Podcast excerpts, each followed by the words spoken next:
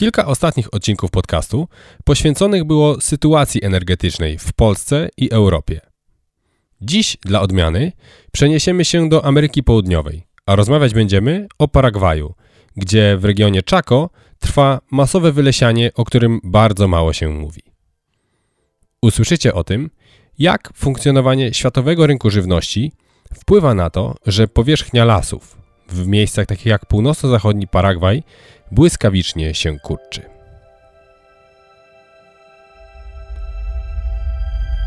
Zrównoważony rozwój to podcast o tym, jakie zmiany są potrzebne w obszarach gospodarki, energetyki i naszego stylu życia, aby uniknąć ekologicznej katastrofy i stworzyć system, w którym kolejne pokolenia cieszyć się będą dobrobytem, bez pogoni za wzrostem i konsumpcją, z poszanowaniem ograniczonych zasobów dostępnych na naszej planecie.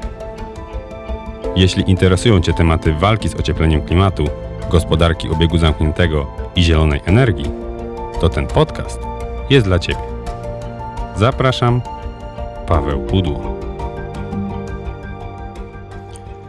Moim dzisiejszym gościem jest Wojciech Ganczarek, z wykształcenia fizyki i matematyk, aktualnie od y, niemal dekady podróżujący po Ameryce Łacińskiej, prowadzący bloga Fizyk w Podróży, autor kilku książek i wielu artykułów traktujących właśnie o tej części świata. Witam cię serdecznie. Dzień dobry, dziękuję za zaproszenie. Twoja najnowsza książka, Sprzedani, reportaże z peryferii, opowiada o kraju, o którym będziemy mieli dzisiaj okazję rozmawiać, a mianowicie o Paragwaju. I jako, że nie jest to kraj, który jest w Polsce bardzo znany, myślę, że w przypadku niektórych krajów Ameryki e, Łacińskiej czy Ameryki Południowej mamy od razu z miejsca jakieś e, skojarzenia, czy to jeżeli chodzi o Chile, e, Argentynę, Brazylię czy Wenezuelę, myślę, że każdy, kto mniej czy bardziej śledzi wydarzenia z, ze świata, jest w stanie coś niecoś powiedzieć o tych krajach.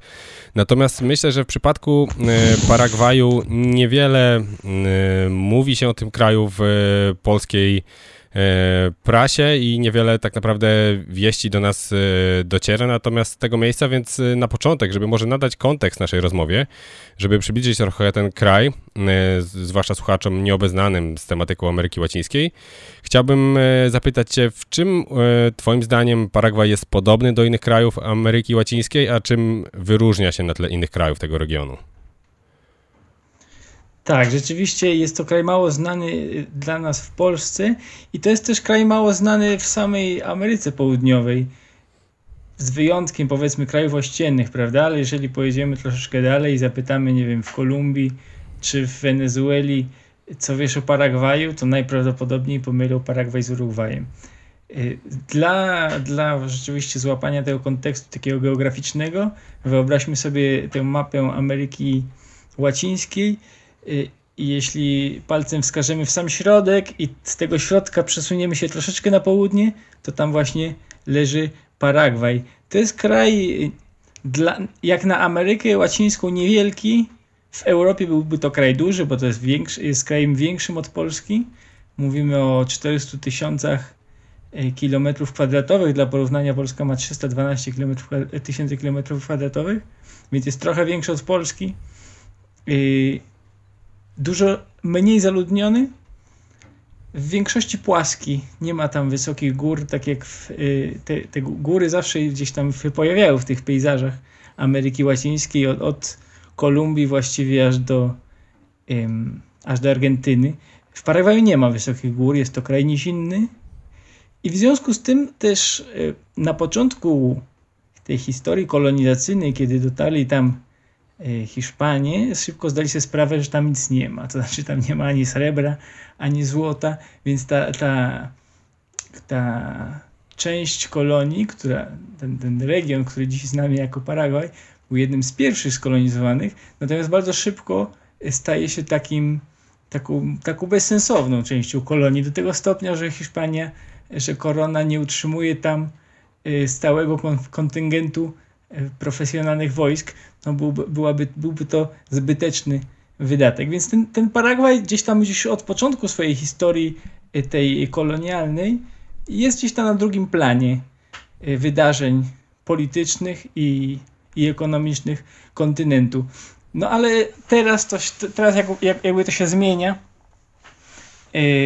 w związku z zglobalizowanym rynkiem żywności, w związku z tym, że mamy dostęp do sprawnego transportu żywności, co, co kiedyś nie było takie, takie oczywiste jak teraz, że można załadować niewyobrażalne ilości mięsa czy, czy zbóż na statki e, z wielkimi lodówkami i to przewieźć w dowolne, w dowolne miejsce na świecie.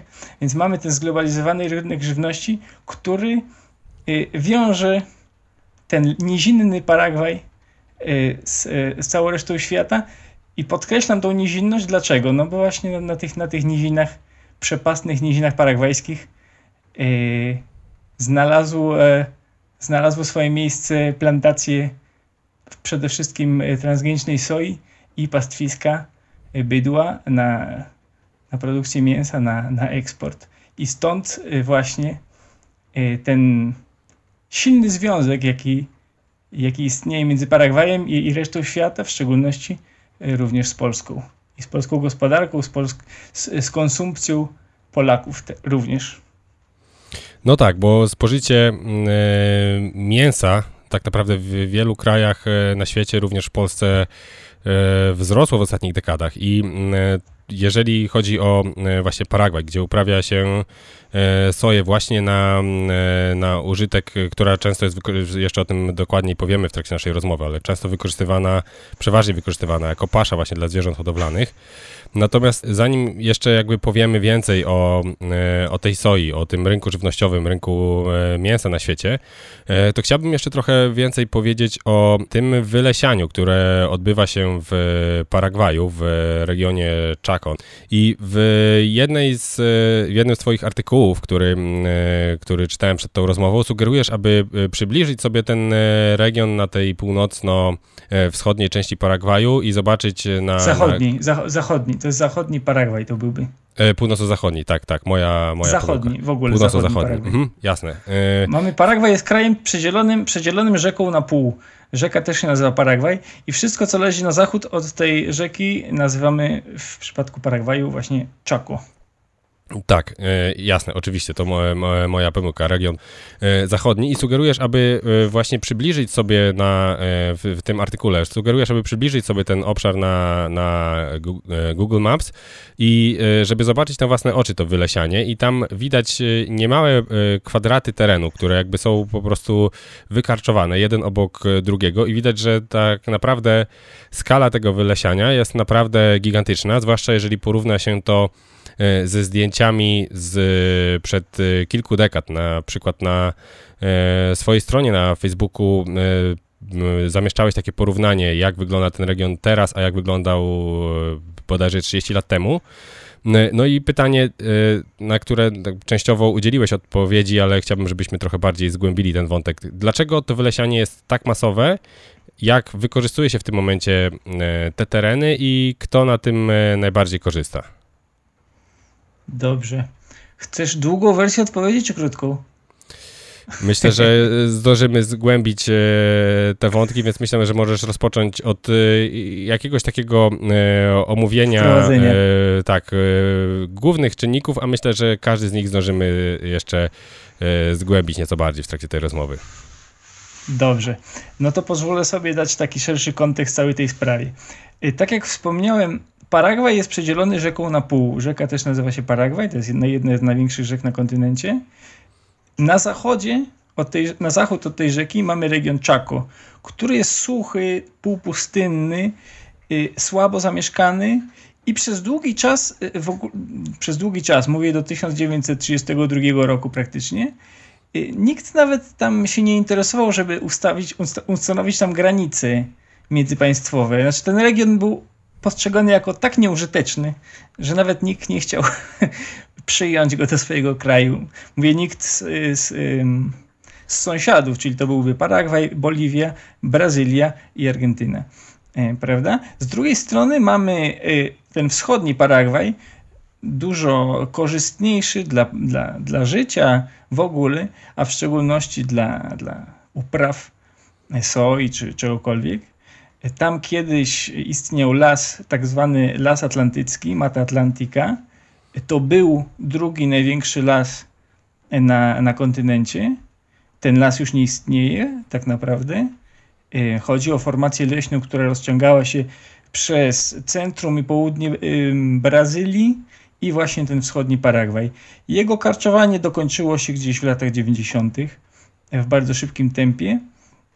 I początkowo, tak jak zwykle y, dzieje się przy karczowaniu w Ameryce Południowej, te tereny były zamieniane na y, pastwiska dla bydła, prawda, żeby produkować wołowiny. Natomiast w pewnym momencie, czyli w okolicach właśnie lat 80., 90., rozpoczyna się ten boom na soję y, i y, coraz częściej hoduje się zwierzęta, w szczególności krowy, nie tylko na pastwiskach, ale w tych tak zwanych feedlotach, czyli miejscach, gdzie te zwierzątka są ściśnięte na niewielkiej przestrzeni, karmione paszą. No i właśnie, z jednej strony doszło, doszliśmy do wniosku jako, jako cywilizacja, powiedzmy, ta cywilizacja cywilizacja kapitalistyczna zachodnia, doszliśmy do wniosku, że soja jest takim wspaniałym materiałem na paszę, bo ma dużą zawartość protein i tłuszczy, a z drugiej strony doszło do tego, że, że, że została opatentowana ta soja transgeniczna odporna na, na, na glifosat, prawda? Co ułatwiło y, pracę rolnikom, plantatorom może plantatorem jest tu lepszym określeniem. E, plantacje suszy, tych, tej soi odpornej na glifosat jest, e, znaczy uprawianie tej soi jest dużo łatwiejsze niż, niż takiej zwykłej, bo wystarczy wyprószyć tym glifosatem całą uprawę, wymiera wszystko, znaczy wszystkie roślinki, które nie są soją odporną na glifosat, no i ta, ta soja odporna na glifosat może rosnąć spokojnie. No i wtedy zaczyna się ten, ta wielka zmiana, to znaczy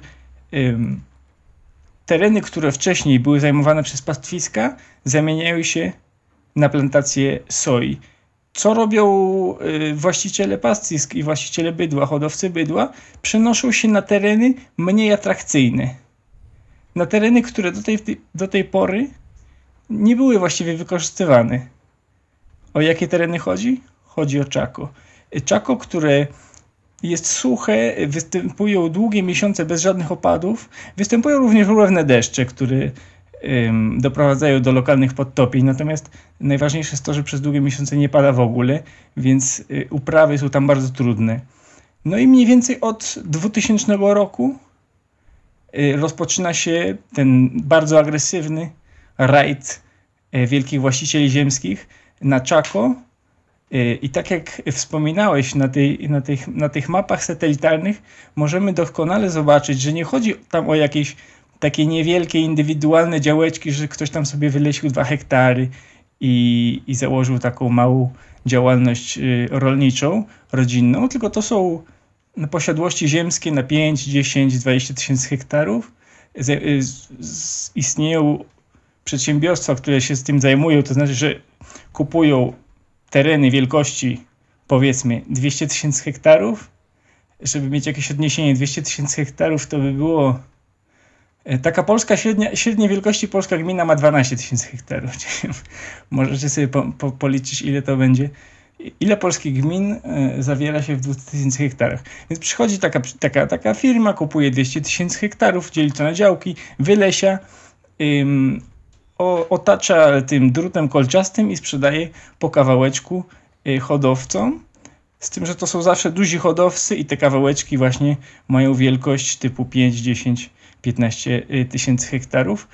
Y, no i tak y, no i tak teraz się dzieje, że ten, to, to Chaco, które obecnie jest drugim największym lasem na kontynencie, przypominam, że wcześniej to był to była ta Mata Atlantyka, czyli las atlantycki, który został wylesiony i który istniał wcześniej we wschodnim Paragwaju. Teraz w zachodnim Paragwaju mamy drugi największy las kontynentu, no i ten las nam znika w tempie między 600 a do, do 1000 hektarów dziennie. Tak to mniej więcej wygląda. I ten, ten wzorzec, ten mechanizm powtarza się też w innych częściach kontynentu, w szczególności w Argentynie, Y, mamy, mamy ten mechanizm przenoszenia się hodowli bydła też na marginalne tereny, które w tym przypadku to jest również ten, ten suchy las Chaco w północnej części, ale też wyspy na, na rzece czy góry w okolicach Kordoby. Więc to jest taki dość uniwersalny mechanizm, który zaczyna się rozprzestrzeniać w ostatnich latach, w ostatnich dekadach po całym kontynencie. No jest to e, bardzo niepokojące, e, tak jak e, opisujesz jakby te gigantyczne liczby, jak, jak szybko trwa to wylesianie i jeżeli mówisz o tym lesie Mata Atlantica, którego to właśnie spotkało, i mamy kolejny region, gdzie może się coś takiego wydarzyć i, i warto na pewno o tym mówić, biorąc pod uwagę że relatywnie sporo mówi się o Amazonii, która no, fakt, faktem jest bardzo ważna i, i to wylesianie e, w ostatnich latach e, podczas prezydentury, prezydentury Bolsonaro zdecydowanie przyspieszyło, natomiast bardzo mało mówi się o tym, co się dzieje w Paragwaju. I jeżeli mówimy o hodowli soi, no to myślę, że warto wspomnieć o tym, że e, przeważająca ilość tej soi, sprawdziłem przed naszą rozmową, e, w, e, jakie to są dokładne dane i 77% produkowanej na świecie soi to jest e, soja przeznaczana jako pasza dla zwierząt hodowlanych, Natomiast y, tylko 19% to jest y, soja spożywana bezpośrednio przez ludzi, natomiast tam reszta, niewielki, y, niewielka, niewielki odsetek pozostały to jest, są albo biopaliwa, albo jakieś wykorzystanie w przemyśle w innych branżach. No i czy można się pokusić o takie stwierdzenie, że wylesianie zarówno w Amazonii, jak i właśnie w Paragwaju, w Chaco jest spowodowane przez to, że na świecie wzrasta cały czas y, spożycie y, mięsa w, w, wielu krajach, no nie tylko tych zachodnich, ale również tych y, dynamicznie rozwijających się, takich jak na przykład Chiny. Tak, znaczy bezpośrednio tak. Bezpośrednio tak jest, prawda? Chodzi, problem w tym, że, że żeby wyprodukować na przykład kilogram proteiny wołowej, potrzebujemy 20 kilo proteiny sojowej. To znaczy, jeżeli cała populacja, czy tam jakaś grupa ludzi y, chce jeść tylko mięso wołowe, no to zamiast 20 ludzi je tylko jedna osoba, prawda? Co robimy z 19 pozostałymi? No musimy wykarczować więcej lasów. Mniej więcej tak to wygląda. Y, czyli jakby bezpośrednim, bezpośrednią przyczyną rzeczywiście byłaby ta byłoby to spożycie mięsa. Wzrost spożycia mięsa, rzeczywiście trend obserwowany w Chinach jest tutaj bardzo ważny. Natomiast ja bym powiedział, że takim, takim taką praprzyczyną, tego, taką przyczyną jeszcze taką ogólniejszą, może nie bezpośrednią, yy, ale, ale leżącą gdzieś tam, stanowiącą korzenie tego i wielu innych problemów środowiskowych na świecie jest chciwość co trzeba sobie powiedzieć jasno, nie? Te czako paragwajskie jest wylesiane y, z chciwości. Nie, nie, chodzi o żadne, nie chodzi o to, że jest jakaś potrzeba rzeczywista y, produkcji większej ilości żywności na świecie. Nie, tak nie jest. Na świecie jest odpowiednia, wystarczająca ilość żywności. Y, natomiast istnieją ludzie, którzy mają pieniądze i dostęp do władzy, i dostęp do korupcji w szczególności y, i żerują na takich regionach jak Chaco i na takim prawodawstwie właśnie bardzo głęboko skorumpowanym y, jak paragwajskie. Y, no i właśnie niszczą całe organizmy leśne w imię zarabiania większej ilości pieniędzy. I, ja, ja bym jeszcze raz podkreślił właśnie ten, tę, tę kwestię Mata Atlantica, czyli lasu atlantyckiego, który niegdyś był drugim lasem, drugim największym lasem na kontynencie. Bo tak jak mówisz, często się opowiada o tej Amazonii, że Amazonia, że wylesiają, że wylesiają, no ale dalej jakoś stoi ta Amazonia, więc może wielu z nas gdzieś tam, wie, wielu słuchaczy radiowych czy telewizyjnych, tak sobie wewnątrz gdzieś tam myśli, to chyba nie jest taka poważna sprawa, skoro tak, tak płaczą o tej Amazonii, ona dalej stoi. Czy rzeczywiście dałoby się zniszczyć tą Amazonię? No, jest dużo większa niż mata Atlantyka niegdyś. Natomiast zwróćmy uwagę, że z matą Atlantyku nam się, nam się udało. Udało nam się zniszczyć drugi największy las na kontynencie. Tacy jesteśmy zdolni, prawda? Czyli mamy tę zdolność niszczenia świata yy, i kontynuujemy niszczenie świata jak gdyby nigdy nic, prawda? Yy, dlatego właśnie wydaje mi się, że warto zdać sobie z tego sprawę, że, że tak, że jesteśmy, mamy wielką moc sprawczą jako, jako ludzkość, bardzo negatywną moc sprawczą w tym przypadku.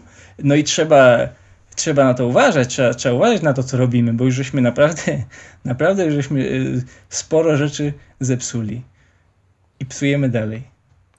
No, y, z pewnością. Myślę, że y, nikt nie powinien mieć wątpliwości, że jeżeli y, te trendy się utrzymają wylesiania, to nawet Amazonie jesteśmy w stanie zniszczyć, zwłaszcza wielu, zwłaszcza, że wielu ekologów, przyrodników, biologów czy badaczy klimatu zwraca uwagę na to, że Amazonia, będąc, rozpościerając się od oceanów aż w głąb kontynentu, tak naprawdę przyczynia się do tego, aby wilgoć, która od oceanu wznosi się, aby była przekazywana i, i, i zachowywana dalej w głębi kontynentu. I jeżeli ta, to wylesianie przekroczy mm, pewien, pewien poziom, no to ten mechanizm przestanie działać. I ta wilgoć, która jest w tym momencie transportowana w głąb kontynentu przez właśnie ekosystem e, Amazonii i i istnienie tego gigantycznego lasu może w pewnym momencie ten mechanizm przestać działać i tak naprawdę nie musimy wykarczować e, całego lasu, żeby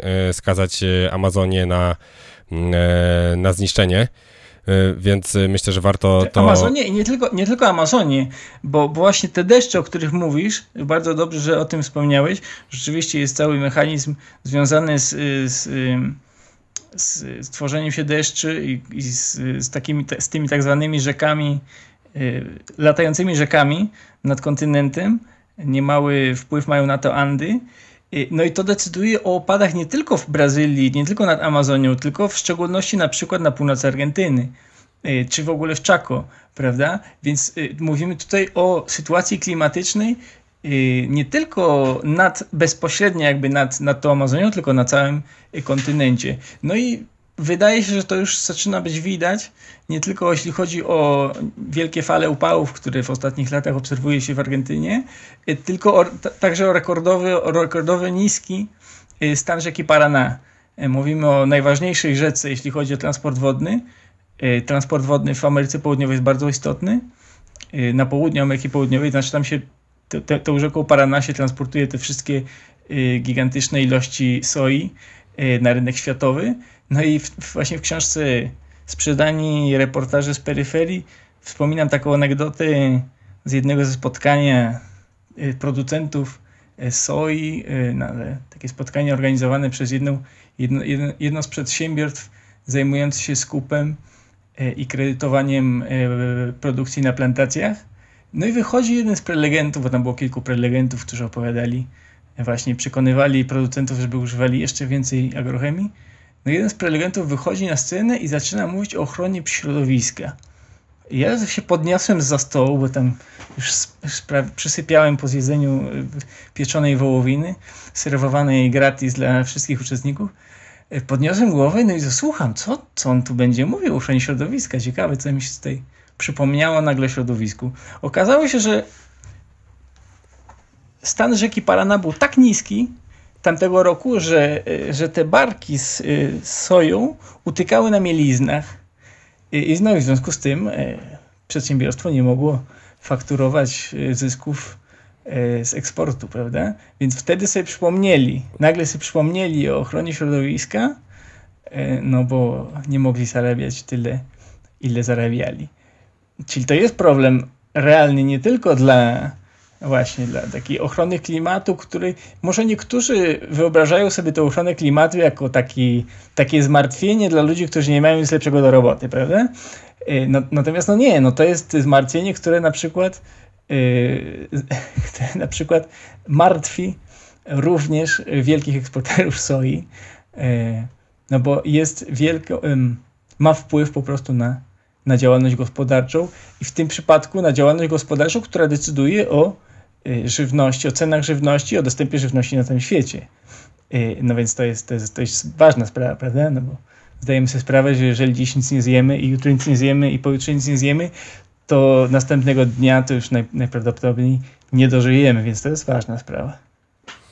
No tak, y, ocieplenie klimatu to jest y, to, co jakby często jest y, ignorowane w takich wyliczeniach stricte biznesowych. Natomiast warto zwrócić uwagę na to, że tak naprawdę wartość tego, co ekonomiści często nazywają usługami ekosystemowymi. Nie wchodząc w to, czy jakby to jest adekwatna nazwa i czy powinniśmy to tak nazywać, ale jakby dostęp do właśnie ciepłej, e, do, do, do, dostęp do czystej wody, do możliwości e, transportu E, właśnie e, rzekami, do, do ziem uprawnych, do opady i tak dalej. Jakby to wszystko e, przynosi nam korzyści, których tak naprawdę nie wyceniamy. Jakby niszczenie tego, które często ignorujemy i niszczenie ekosystemów, które jakby doprowadza do tego, że z tych no, zostańmy przy tej nazwie, usług ekosystemowych nie będziemy mogli korzystać, tak naprawdę doprowadzi do gigantycznych e, strat w wielu sektorach e, e, gospodarki, dla rolnictwa e, i tak naprawdę e, nie będzie nikogo, kto e, mógłby przejść nad tym do porządku dziennego.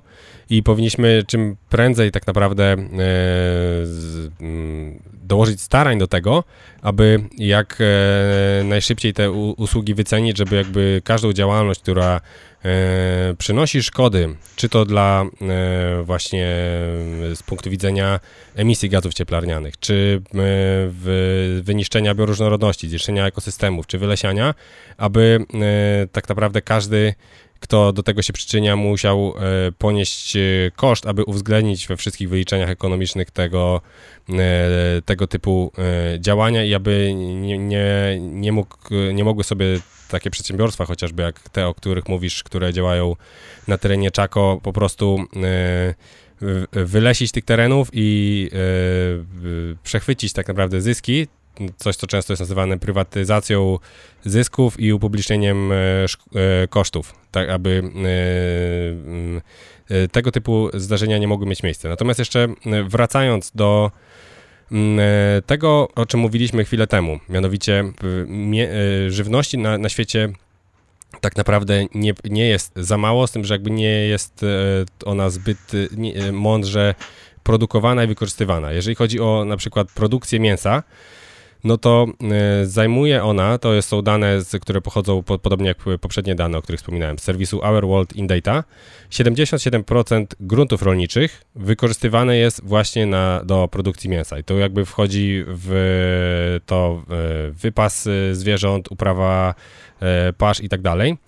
Natomiast pomimo tego, że produkcja mięsa wykorzystuje 77% gruntów rolniczych, to dostarcza nam tylko 18% kalorii spożywanych na świecie i tylko 32% y, białka, więc jakby nadal y, dużo mniej niż jakby wynikałoby z tego, z tych terenów zajętych y, przez, przez działalność tego typu na uprawę zwierząt. I tak naprawdę nie, nie, nie warto byłoby powiedzieć, zaznaczyć tutaj, że tak naprawdę nasze nawyki konsumenckie w tych krajach takich, powiedzmy, nazwijmy to zamożniejszych, zaliczających się do nie wiem, czy to mm, e, szeroko pojętego Zachodu, czy tych powiedzmy bogacących się, tak jak wspomniane przez nas Chiny, e, czy to nie jest trochę tak, że e, my naszymi nawykami konsumenckimi, na przykład większym spożyciem mięsa, czy też, czy konkretnie wołowiny, czy innego typu mięs, przyczyniamy się do tego, że te wycinki nadal następują, ponieważ no jakby one przynoszą cały czas zysk tym, tym przedsiębiorstwom, które zajmują się tymi uprawami na, na terenach takich jak Czako? Tak, tak, dokładnie tak jest. Dokładnie tak jest, bo warto też zaznaczyć, nie, że jakby problemem nie jest mięso samo w sobie, tylko problemem jest, problemem wylesienia Czako nie jest to, że, że Paragwajczycy jedzą więcej mięsa. Paragwajczycy jedzą tyle samo, albo nawet mniej mięsa, bo są coraz ubożsi. Natomiast y, problem jest taki, że chce się tym, tym mięsem z Czako wykarmić pół świata. Ocenia się, że, że produkcja żywności z Paragwaju, którym jest krajem zaludnionym przez 7 milionów mieszkańców, y, karmi się 80 milionów mieszkańców innych, e, innych krajów, prawda? Więc dochodzi do czego? Do takiej nadeksploatacji y, tego kraju, tego i, i innych regionów świata, prawda? Czyli jakby wracając do kwestii mięsa, nie jest problem tak, tym, że Paragwajczyk zje mięso paragwajskie. Jeżeli on żyje w Paragwaju i na tym terytorium produkuje się mięso i ono jest blisko y, i nie wylesia się na, na, za więcej niż to potrzeba, nie ma takiego już problemu, prawda? Problemem jest właśnie ten, ten, ta kwestia transportu i chęci zarobku poprzez eksport y, mięsa czy innych artykułów na cały świat. I wtedy rzeczywiście y, dochodzi, dochodzimy do, do, do tych wniosków, o których mówisz, nie? Że, że, że, że problemem jest wzrost spożycia mięsa w miejscach, gdzie się tego mięsa nie produkuje. Chyba to jest, to by było y, poprawne określenie y, problemu. No miejmy nadzieję, że te e, trendy ulegną zmianie. Widać w niektórych grupach, w, nie, w niektórych krajach, na przykład e, wśród e, młodych ludzi w Polsce coraz częstsze jest postawy takie jak albo rezygnacja ze spożycia mięsa lub jakby jego ograniczenie, więc miejmy nadzieję, że to, to będzie się upowszechniać, jakby ten trend zostanie E, zatrzymany. Myślę, że warto wspomnieć też e, o tym, że bardzo niekorzystne jest z punktu widzenia e, bioróżnorodności to, co się dzieje, czyli mamy las, który jakby jest miejscem życia dla wielu gatunków, dla wielu roślin, wielu zwierząt, natomiast jest on zastępowany przez monokultury upraw, która tak naprawdę wie, przez wiele kilometrów ciągnie się jeden rodzaj uprawy i E, jest to bardzo e, niekorzystne dla, e, dla właśnie bioróżnorodności, która jest tak istotna. W Twoim filmie Jestem Paragwajczykiem, który można obejrzeć na YouTubie, jedna z bohaterek mówi o tym, że jadąc rowerem właśnie przez ten region, tak naprawdę jechała cały czas w palącym słońcu przez ten teren, kiedy przez kilometry ciągnęły się uprawy soi i, i E, nie było ani odrobiny cienia, e, aby gdzieś e, ta, ta podróż dała trochę wytchnienia. No i myślę, że nie powinniśmy zapominać również o tym, że tak naprawdę raz wylesianie, dwa wiążąca się z tym utrata bioróżnorodności, która jakby skutki może mieć dla nas bardzo krytyczne, co do których często nie zdajemy sobie sprawy, jak bardzo jest to dla nas istotne. Tak, zdecydowanie. Tam rzeczywiście, jak ona opowiadała o tym, to możemy, możemy po prostu zobaczyć. Jestem, dołączam tam właśnie obrazy z, z drogi i, i możecie zobaczyć, że po prostu tam, gdzie, tak jak mówiłem jeszcze niedawno, bo 30 lat temu rosła ta, ta Puszcza Atlantycka, no dziś w zasadzie po horyzont ciągną się regularnie ustawione sadzonki soi od drogi aż, aż, po, aż po horyzont. No i to jest smutne. To jest smutne szczególnie jak wiesz, jak wiesz trochę o historii regionu, wiesz jak on kiedyś wyglądał. No i jako, że ten, to zjawisko, ten problem jest tak nowy, znaczy to wylesianie dopełniło się, dokończyło się tak niedawno, no to są rzeczywiście ludzie, którzy pamiętają jak to wyglądało wcześniej. W szczególności opowiadał mi ojciec Piotr, taki Polak, przypadkowo spotkany misjonarz, żyjący we wschodnim Paragwaju, ale żyjący w tym wschodnim Paragwaju już od e, kawału czasu, od 40 lat, jeśli się nie mylę. No i on mi opowiadał, że jeździł kiedyś regularnie, raz na tydzień, musiał jeździć drogą między Encarnacion i Ciudad del Este i tam na odcinku właściwie 200 kilometrów mówi, że puszcza była tak szczelna, tak gęsta, że w ciągu dnia musiał jechać na światłach, jak padał deszcz, to, to nie padał. To znaczy nie, nie docierały krople deszczu do drogi, bo zatrzymały, zatrzymywały się w koronach drzew. Teraz na tej samej drodze w okolicy miejscowości Santa Rita jest taki sławny obiekt turystyczny zwany tunelem drzew, który ma 200 metrów chyba, czy 300. No i, no i ten ojciec pierwszy się śmieje, no tak, to teraz zostało 300 metrów tunelu z drzew, a on pamięta, kiedy taki tunel z drzew miał właściwie 200 kilometrów. i nic już z niego nie zostało. Czyli mówimy o zmianach bardzo niedawnych, bardzo niedawnych i, i o sytuacji, która zupełnie nie miała kontroli, bo władze paragwajskie niestety zupełnie, zupełnie nie interesują ich te, te sprawy środowiska naturalnego.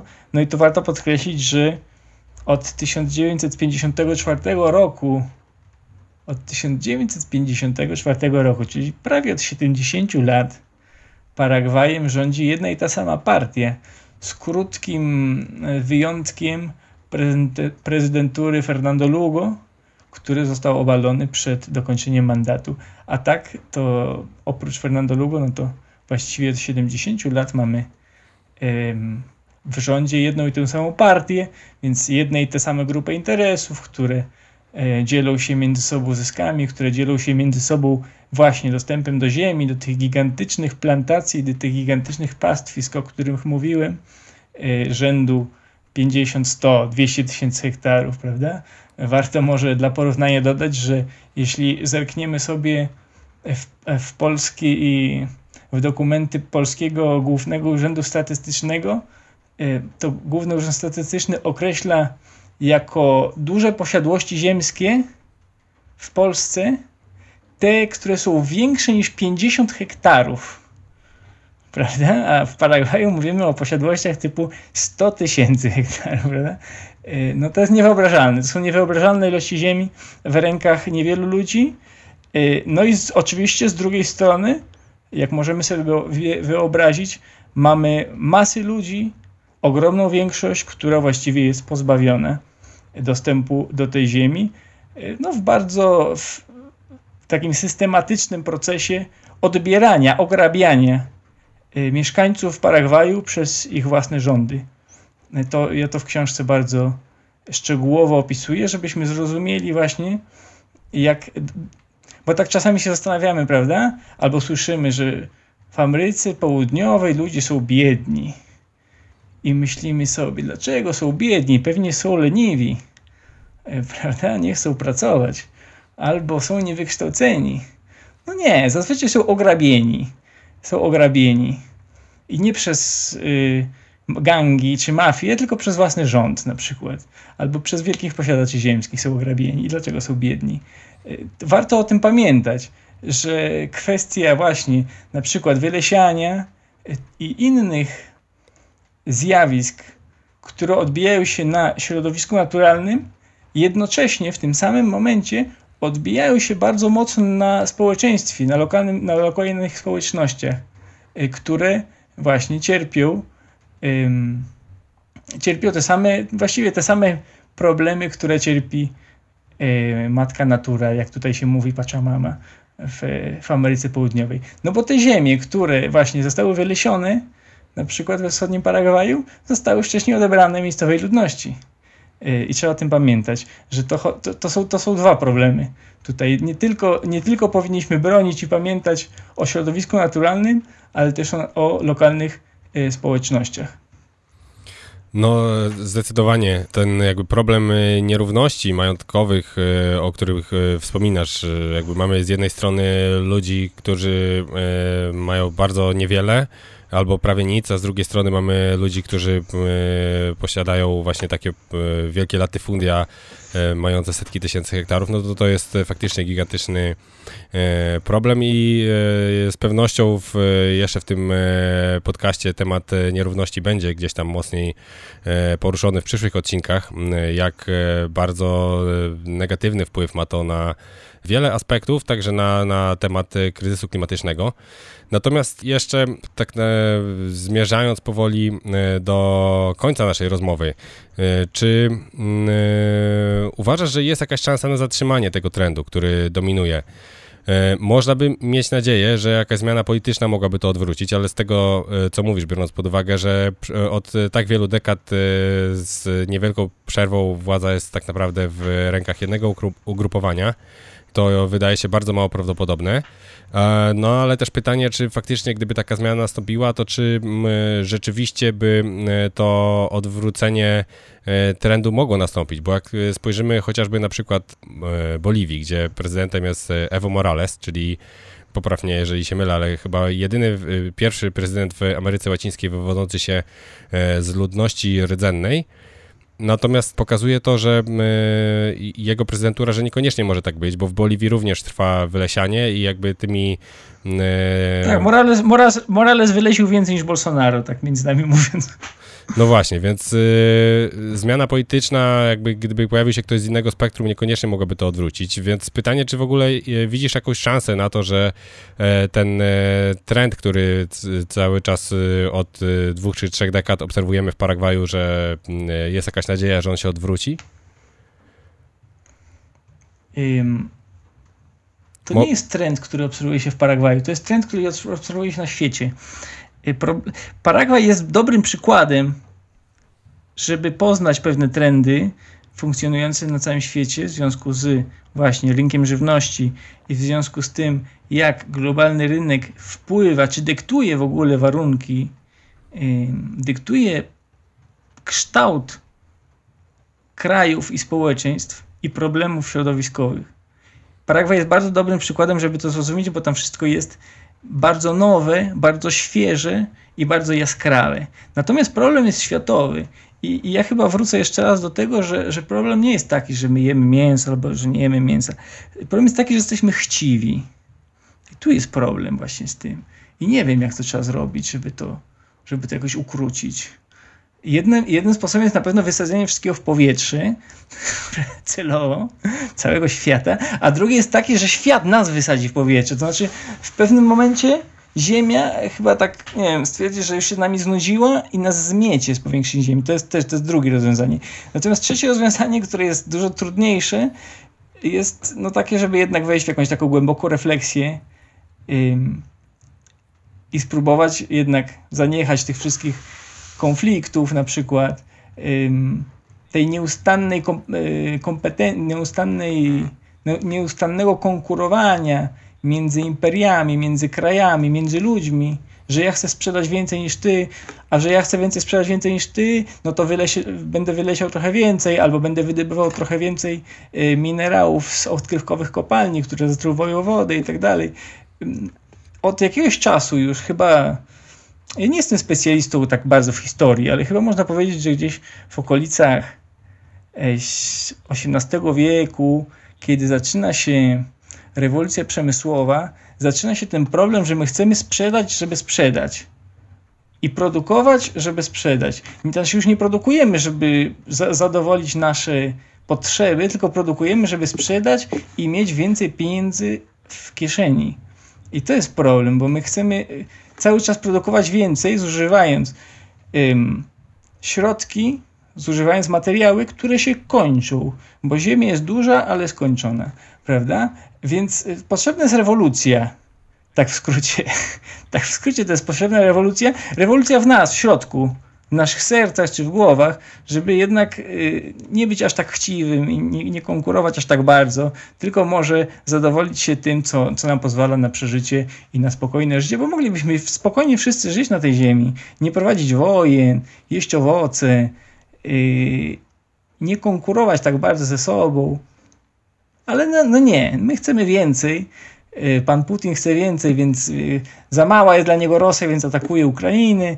Y, panowie właściciele ziemscy z Paragwaju nie wystarcza im pieniędzy, nie wystarczają im miliony dolarów, które mają, więc płacą 10 milionów dolarów, kupują 8 tysięcy hektarów i sprzedają bydło, żeby mieć jeszcze więcej milionów dolarów, prawda? No bez sensu zupełnie. Jesteśmy jako ludzie nie, jakby, nie idziemy do przodu, idziemy w tył albo kręcimy się w kółko. Tu jest problem, nie w Paragwaju. E, w nas chyba jest problem. No na pewno ten e, model e, gospodarczy, który dominuje od wielu dekad, oparty na wzroście gospodarczym. To, że jakby wzrost PKB, czyli jakby mówiąc obrazowo to, że więcej produkujemy, więcej sprzedajemy towarów i usług jest postrzegane jako sukces poszczególnych krajów, to jest z pewnością element tego obecnie funkcjonującego systemu społeczno-gospodarczego, który powinien ulec zmianie. To, to jakby temu zagadnieniu był poświęcony e, pierwszy odcinek podcastu, więc e, jeżeli ktoś e, chciałby zmierzyć się z tym dogmatem, czy dbanie o wzrost gospodarczy, które jest przez wielu uznawane za coś oczywistego, czy faktycznie to jest takie korzystne, to jakby zachęcam do odtworzenia sobie tamtego odcinka.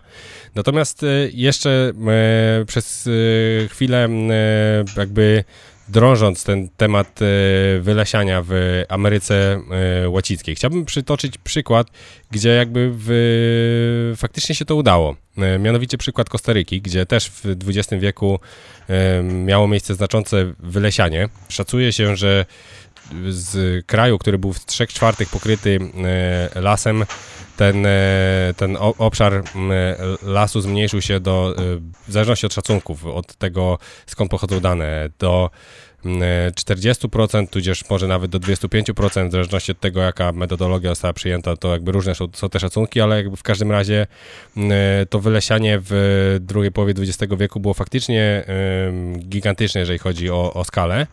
Natomiast e, w ostatnich dekadach udało się to e, odwrócić. Bardzo istotne jest tutaj e, agroleśnictwo, które się stało dosyć popularne w Kostaryce przy wsparciu rządowym, gdzie za tak zwane usługi ekosystemowe, czyli związane z tym podtrzymanie E, bioróżnorodności, czyli zróżnicowane uprawy e, przeplatane e, drzewami.